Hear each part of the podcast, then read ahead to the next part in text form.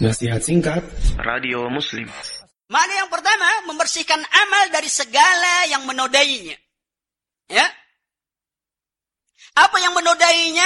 Sesuatu yang menodai dari amalan itu adalah kebutuhan kita pada pujian orang.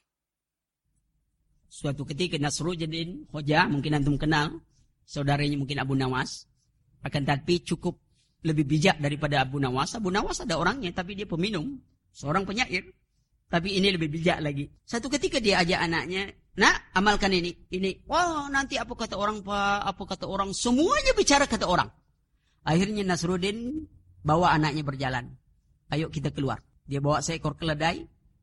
Baru jumpa orang. Ini orang dua beranak, ini bodoh lah. Kenapa ada keledai tidak dinaiki?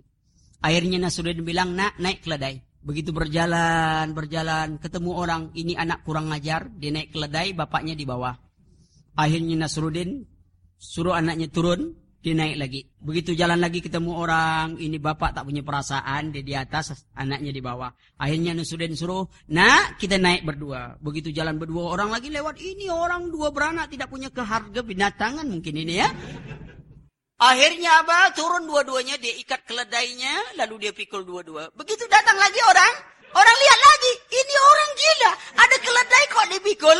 Akhirnya apa?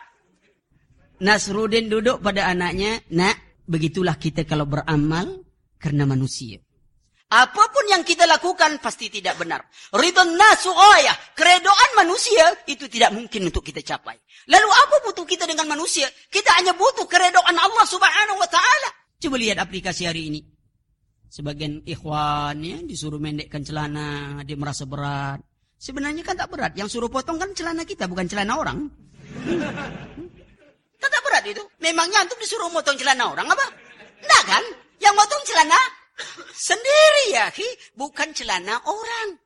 Kalau antum disuruh memotong celana orang, iya itu berat. Antum bisa kena tendang. Ini tidak celana antum sendiri. Tapi itu masalahnya. Aduh Ustaz, ini agak berat Ustaz. Kalau begini ini, aduh. Susah lah.